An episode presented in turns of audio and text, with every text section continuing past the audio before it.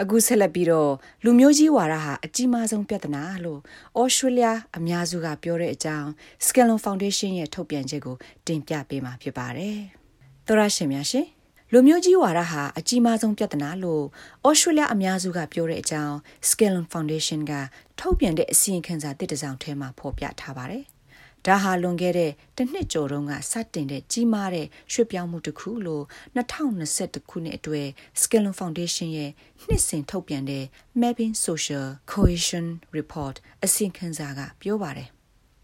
ဒီ2021အစီရင်ခံစာဟာလူမျိုးပေါင်းစုံဘာသာပေါင်းစုံလူမှုအတိုင်းဝိုင်းပေါ်ရိတ်ခတ်မှုရှိတဲ့အကြောင်းအရာတွေအပြင်လူဝင်မှုကြီးကြပ်ရေးယဉ်ကျေးမှုပေါင်းစုံနဲ့ခွဲခြားဆက်ဆံခြင်းအကြောင်းတွေနဲ့ပတ်သက်ပြီးစစ်တမ်းကောက်ခံထားတာဖြစ်ပါတယ်။ စစ်တမ်းကောက်ခံတဲ့အချက်လက်တွေပေါ်မူတည်ပြီးလူမျိုးကြီးဝါဒဟာအကြီးမားဆုံးပြဿနာတစ်ခုဖြစ်ကြောင်းဩစတြေးလျနိုင်ငံသားအများစုကထင်မြင်ကြတယ်လို့ပြောပါတယ်။ Scalon Foundation ရဲ့2021 Mapping Social Cohesion အစီအခံစာဟာနှစ်စဉ်ပြုလုပ်တဲ့စစ်တမ်းကောက်ခံမှုအစီအခံစာတစ်ခုဖြစ်ပြီးဩစတြေးလျနိုင်ငံသူနိုင်ငံသားတွေရဲ့သဘောထားတွေမတိမတာကွဲပြားနေတာကိုနားလည်သဘောပေါက်ဖို့ရည်ရွယ်လို့ဆောင်တာဖြစ်ပါတယ်။ အစီခံစာအတွက်အကြောင်းအရာအချက်လက်တွေကိုစစ်တမ်း၃ခါစစ်တိုင်လှုပ်ဆောင်လာခဲ့တာဖြစ်ပြီး2020ပြည့်နှစ်အတွင်းမှာနှစ်ခါနဲ့2021ခုနှစ်အတွင်းတစ်ခါလှုပ်ဆောင်ခဲ့တာဖြစ်ပါတယ်။စစ်တမ်းကောက်ယူမှုအတွက်မေကွန်ပေါင်း130ကျော်ပါရှိပြီးလူပေါင်း3500ပါဝင်ဖြစ်ဆိုခဲ့ပါတယ်။စစ်တမ်းကောက်ယူမှုရဲ့အဓိကတွေ့ရှိချက်တစ်ခုကတော့အော်ရှိုလန်နိုင်ငံအတွင်းလူမျိုးကြီးဝါဒဟာ ဘလောက်ကြီးမားတဲ့ပြဿနာတစ်ခုဖြစ်တယ်လဲဆိုတဲ့မေးခွန်းဖြစ်ဆိုရမှာတိတိတသာပြောင်းလဲမှုရှိနေတာတွေ့ရှိခဲ့ကြရပါတယ်။2020ပြည့်နှစ်စစ်တမ်းကောက်ယူမှုအတွင်းမှာတော့လူမျိုးကြီးဝါဒဟာအကြီးမားဆုံးပြဿနာဒါမှမဟုတ်အတော်အတန်ကြီးမားတဲ့ပြဿနာတစ်ခုလို့ဖြစ်ဆိုခဲ့တဲ့သူပေါင်း40ရာခိုင်နှုန်းရှိခဲ့ပါတယ်။ဒါပေမဲ့2021ခုနှစ်စစ်တမ်းကောက်ယူမှုအတွင်းမှာတော့မေကွန်းဖြစ်ဆိုသူပေါင်း60ရာခိုင်နှုန်းက လူမျိုးကြီးဝါဒဟာအကြီးမားဆုံးပြဿနာတစ်ခုလို့ဖြေဆိုခဲ့ကြပါတယ်။အတော်လေးအံ့ဩဖို့ကောင်းတဲ့အချက်အလက်ကောက်ခံရရှိမှုတစ်ခုဖြစ်တယ်လို့အစီရင်ခံစာရေးသားသူ Monash တက္ကသိုလ်အငိမ့်စားပါမောက္ခ Andrew Marcus ကပြောပါတယ်။ During the pandemic we've asked this question do you think that racism in australia ကဘာအနက်ကယောဂကူးဆက်ပြန့်ပွားနေတဲ့အတော်အတွင်းမှာအခုလိုမေးခွန်းမျိုးကိုကျွန်တော်တို့မေးတယ်။ဩစတြေးလျနိုင်ငံအတွင်းလူမျိုးကြီးဝါဒဟာအကြီးမားဆုံးပြဿနာတစ်ခုဒါမှမဟုတ်အတော်အတန်ကြီးမားတဲ့ပြဿနာလို့ထင်သလားဒါမှမဟုတ်ရင်ဒါနဲ့ဆန့်ကျင်ပဲဖြစ်တဲ့ပြဿနာတစ်ခုမဟုတ်ဘူးလို့ထင်သလားဆိုတဲ့မေးခွန်းတွေကိုမေးတယ်2020ပြည့်နှစ်အတွင်းပြုလုပ်တဲ့စစ်တမ်းတစ်ခုမှာတော့ဖြည့်ဆို့သူ40ရာခိုင်နှုန်း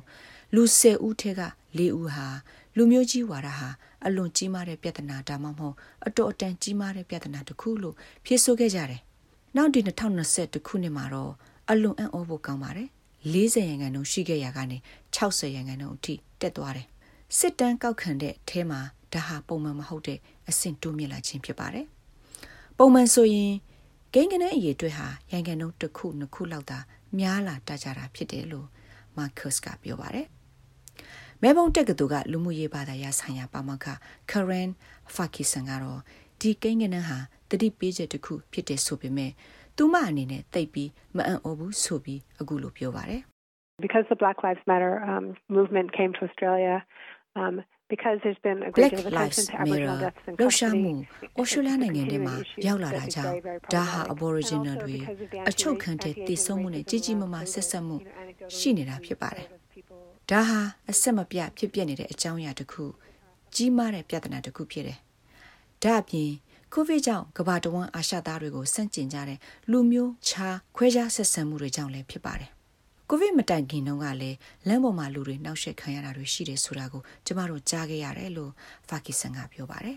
။ဂါရီရှိုင်းဟာ PhD ဘွဲ့ရဖို့အတွက်တရုတ်နိုင်ငံကနေ Brisbane မြို့ကိုရောက်ရှိလာတာဖြစ်ပြီး2020ပြည့်နှစ် စကလေးကစပြီးသူ့ရဲ့အိမ်နီးချင်းကသူ့ကိုချင်းကပ်နှောက်ရှက်တာတွေလုပ်ခဲ့ပါတယ် So she said you gonna beep freaking chink တရုတ်ဆုံးနေကကိုရွှေ့စမ်းနေဟာကိုရိုနာဗိုင်းရပ်စ်တည်လာတဲ့သူဆိုပြီးကျွန်တော်ကိုအဲ့လိုခေါ်ပါတယ်နေ့အိမ်နေပြင်စင်းဆိုပြီးတော့လည်းပြောတယ်အဲ့ဒီအချိန်မှာကျွန်တော်အတော်လန့်သွားတယ်ဘာဘယ်လိုဆိုပြီးတော့တောင်ကျွန်တော်ဖြစ်သွားတယ်လို့မစ္စတာရွှိုင်းကပြောပါတယ် စော်ကားမှုပြစ်မှားပြောဆိုမှုသူ့ရဲ့ကားကိုဖြစ်စည်းတာနဲ့ခွဲခြားဆက်ဆံပြောဆိုခံရတာတွေအပါအဝင်မစ္စတာရွှိုင်းဟာဒီလိုစင်တူအဖြစ်အပျက်မျိုးပေါင်း35ခုကျော်ကိုရဲစီကိုတိုင်ခဲ့ပေမဲ့အရေးယူကင်တွယ်မှုတွေအနေငယ်သာရှိခဲ့တာပါ So my white car this is covered so this breaks like a plates were ဖုံးထားတဲ့ကျွန်တော်ကအဖြူရောင်ကိုပကံပြားလိုမျိုးဒီလိုအုတ်ခဲမျိုးတွေနဲ့ပြစ်ပေါက်ကြသလိုကြက်ဥကော်ဖီတခြားအရာမျိုးတွေနဲ့လည်းပြစ်ပေါက်ကြတယ် အဲ့ဒါတို့ကြောင့်ကျွန်တော်ကားတစ်စီးလုံးညစ်ပတ်ကုန်တယ်လို့မစ္စတာရှိုင်းကပြောပါတယ်အခြေအနေကအတော်ကိုဆိုးရလာပြီးကိုကိုကိုအဆုံးစီရင်ခြင်းနဲ့စိတ်ပါပေါက်လာတယ်လို့လည်းသူကပြောပါတယ်ကာယောဂပြန့်နှံ့ဖြစ်ပွားတဲ့ကာလတစ်လျှောက်လုံးလူမျိုးကြီးဝါဒအသားအရောင်ခွဲခြားဆက်ဆံမှုအကြောင်းတင်ပြချက်တွေဇက်တိုက်ဆိုသလိုတွေ့နေရတယ်လို့ Federation of Ethnic Communities Council of Australia ရဲ့အကြီးအကဲ Mary Piso ကအခုလိုပြောပါတယ် We are seeing increased numbers of people who contact us knowing that what they're experiencing is လူတွေဟာသူတို့ကြုံတွေ့ခဲ့ရတာတွေကမတင်တော်ဘူးဆိုတာကိုသိပြီးအဲ့ဒါနဲ့ပတ်သက်လို့တခုခုပြင်လုပ်ချင်တာကြောင့်ကျမတို့ကိုဆက်သွယ်လာကြတာတော်တော်လေးကိုများပြားလာပါတယ်ဒီကိစ္စနဲ့ပတ်သက်ပြီးသူတို့အတော်လေးခံစားခဲ့ကြရတယ်ကြောက်လဲကြောက်ကြတယ်ဒါကြောင့်မို့သူတို့အနေနဲ့အချက်လက်တွေလိုက်ရှာပြီးသူတို့အပေါ်ကိုကိုချင်းစာမှုရှိစေချင်ကြတယ်လို့ Mary Piso ကဆိုပါတယ် တချိန်တည်းမှာပဲအော်စတြေးလျလူမှုအတိုင်းဝိုင်းဟာရေဘူးရအဖြစ်အားလုံးပူးပေါင်းပါဝင်မှုရှိတဲ့သဘောထားသဘာဝမျိုးရှိတဲ့အကြောင်းကိုအတိအမှမပြုရင်မှားမယ်လို့လည်းသူမကပြောပါတယ် Migrants and refugees flourish in this country and we contribute enormously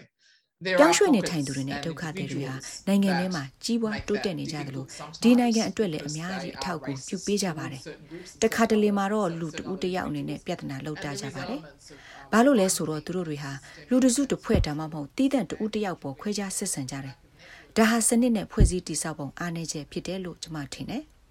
ဘာလို့လဲဆိုရင်လူသစ်စုဆောင်းမှုတွေလုပ်ရမယ့်အစားရွှေ့ပြောင်းနေထိုင်သူအတိုင်းဝိုင်းနဲ့အဆက်အဆမရှိတာတွေကြောင့်အဲ့ဒီအတွက်အာယုံစိုက်မှုတွေမရကြတာဖြစ်တယ်လို့လည်းသူမကပြောပါတယ်မတူညီတဲ့လူမျိုးတစ်ခုအပေါ် လူတွေအနေနဲ့အကောင်အဆိုးနဲ့ပုံမှန်ခံစားမှုရှိကြသလားဆိုတဲ့မေးခွန်းကိုမေးတဲ့အခါမှာတော့ဖြေဆိုသူပေါင်း900ရာခိုင်နှုန်းကနေ600ရာခိုင်နှုန်းအထိကပြည်ထိုင်လူမျိုးအီတလီလူမျိုးနဲ့ဂျာမနီလူမျိုးတွေအပေါ်မှာအဆိုးမြင်တဲ့သဘောထားတွေရှိနေတဲ့အကြောင်းအစီအခံစာကဆိုပါတယ်အမေရိကန်လူမျိုးတွေအပေါ်အစိုးမြင်သဘောထားရှိကြောင်းဖြေဆိုတဲ့သူတွေကတော့73ရာခိုင်နှုန်းလောက်ရှိပြီးအိန္ဒိယလူမျိုးတွေအပေါ်မှာတော့အစိုးမြင်သဘောထား29ရာခိုင်နှုန်း အီသီယိုးပီးယားတွေအပေါ်အစိုးမြင်သဘောထားကတော့31ရာခိုင်နှုန်းရှိပြီး Lebanese တွေအပေါ်မှာတော့အစိုးမြင်သဘောထား38ရာခိုင်နှုန်းအထိရှိကြောင်းတွေ့ရှိခဲ့ကြရပါတယ်။အီရတ်လူမျိုးတွေအပေါ်မှာတော့အစိုးမြင်သဘောထား42ရာခိုင်နှုန်းရှိပြီးတရုတ်လူမျိုးတွေအပေါ်မှာတော့အစိုးမြင်သဘောထား43ရာခိုင်နှုန်းအထိရှိပြီးဆူဒန်လူမျိုးတွေအပေါ်ကတော့46ရာခိုင်နှုန်းအစိုးမြင်သဘောထားရှိကြပါတယ် အစိုးမြင်သဘောရှိကြတယ်ဆိုတာလူဦးရေအလုံးနဲ့ကြည်ရင်အ내အကျဉ်းသာရှိတာပါလို့လည်းအစီရင်ခံစာရေးသားသူပါမခအန်ဒရူးမာကတ်ကပြောပါတယ် In terms of a racial or ethnic hierarchy it's very clearly there လူမျိုးရေးဒါမှမဟုတ်တိုင်းရင်းသားတစ်ခုချင်းစီရဲ့ဂုံတိတ်အစစ်စင်ကိုကြည်ရင်တော့ရှင်းရှင်းလင်းလင်းပြသနေတာတစ်ခုကဥရောပမျိုးနွယ်တွေအပေါ်အစိုးမြင်သဘောထားရှိကြတာနေပြီးအရှိလေပိုင်းနဲ့အာရှသားတွေအပေါ်ကိုပိုးပြီးအစိုးမြင်ကြတာကိုတွေ့ရတယ်။ ဒါပေမဲ့ကဘာတဝန်ကယောဂကူးဆက်ပြန့်ပွားမှုကြောင့်အစိုးမြင်သဘောထားပိုမဖြစ်စေတဲ့အစိတ်အပိုင်းတစ်ခုတော့မဟုတ်ပါဘူး။တကယ်တမ်းကျတော့လူတစုတစ်ဖွဲ့ချင်းစီအပေါ်မူတည်ပြီးအစိုးမြင်သဘောထားနေသွားကြတာပါလို့မစ္စတာမာခတ်ကပြောပါတယ်ကပ်ရောဂါကူးစက်ပြန့်ပွားတဲ့နှစ်အတွင်းအဆိုးမြင်သဘောထားတွေ ပိုများလာတယ်ဆိုပေမဲ့အားလုံးကိုခြုံကြည့်လိုက်မယ်ဆိုရင်အနာဂတ်နဲ့ပတ်သက်တဲ့မေးခွန်းမျိုးမေးတဲ့အခါမှာတော့လူအများကအကောင်းမြင်စိတ်ရှိကြတယ်လို့အစီရင်ခံစာရေးသားသူ Monash တက္ကသိုလ်အငင်းစားပါမောက္ခ Andrew Marcus ကပြောကြောင်း SBS သတင်းထောက် Hana Kun ရေးသားတဲ့ဆောင်းပါးကိုဘာသာပြန်တင်ဆက်ပေးလိုက်ရပါတယ်ရှင်။ကျမရှားဖောင်ပါ။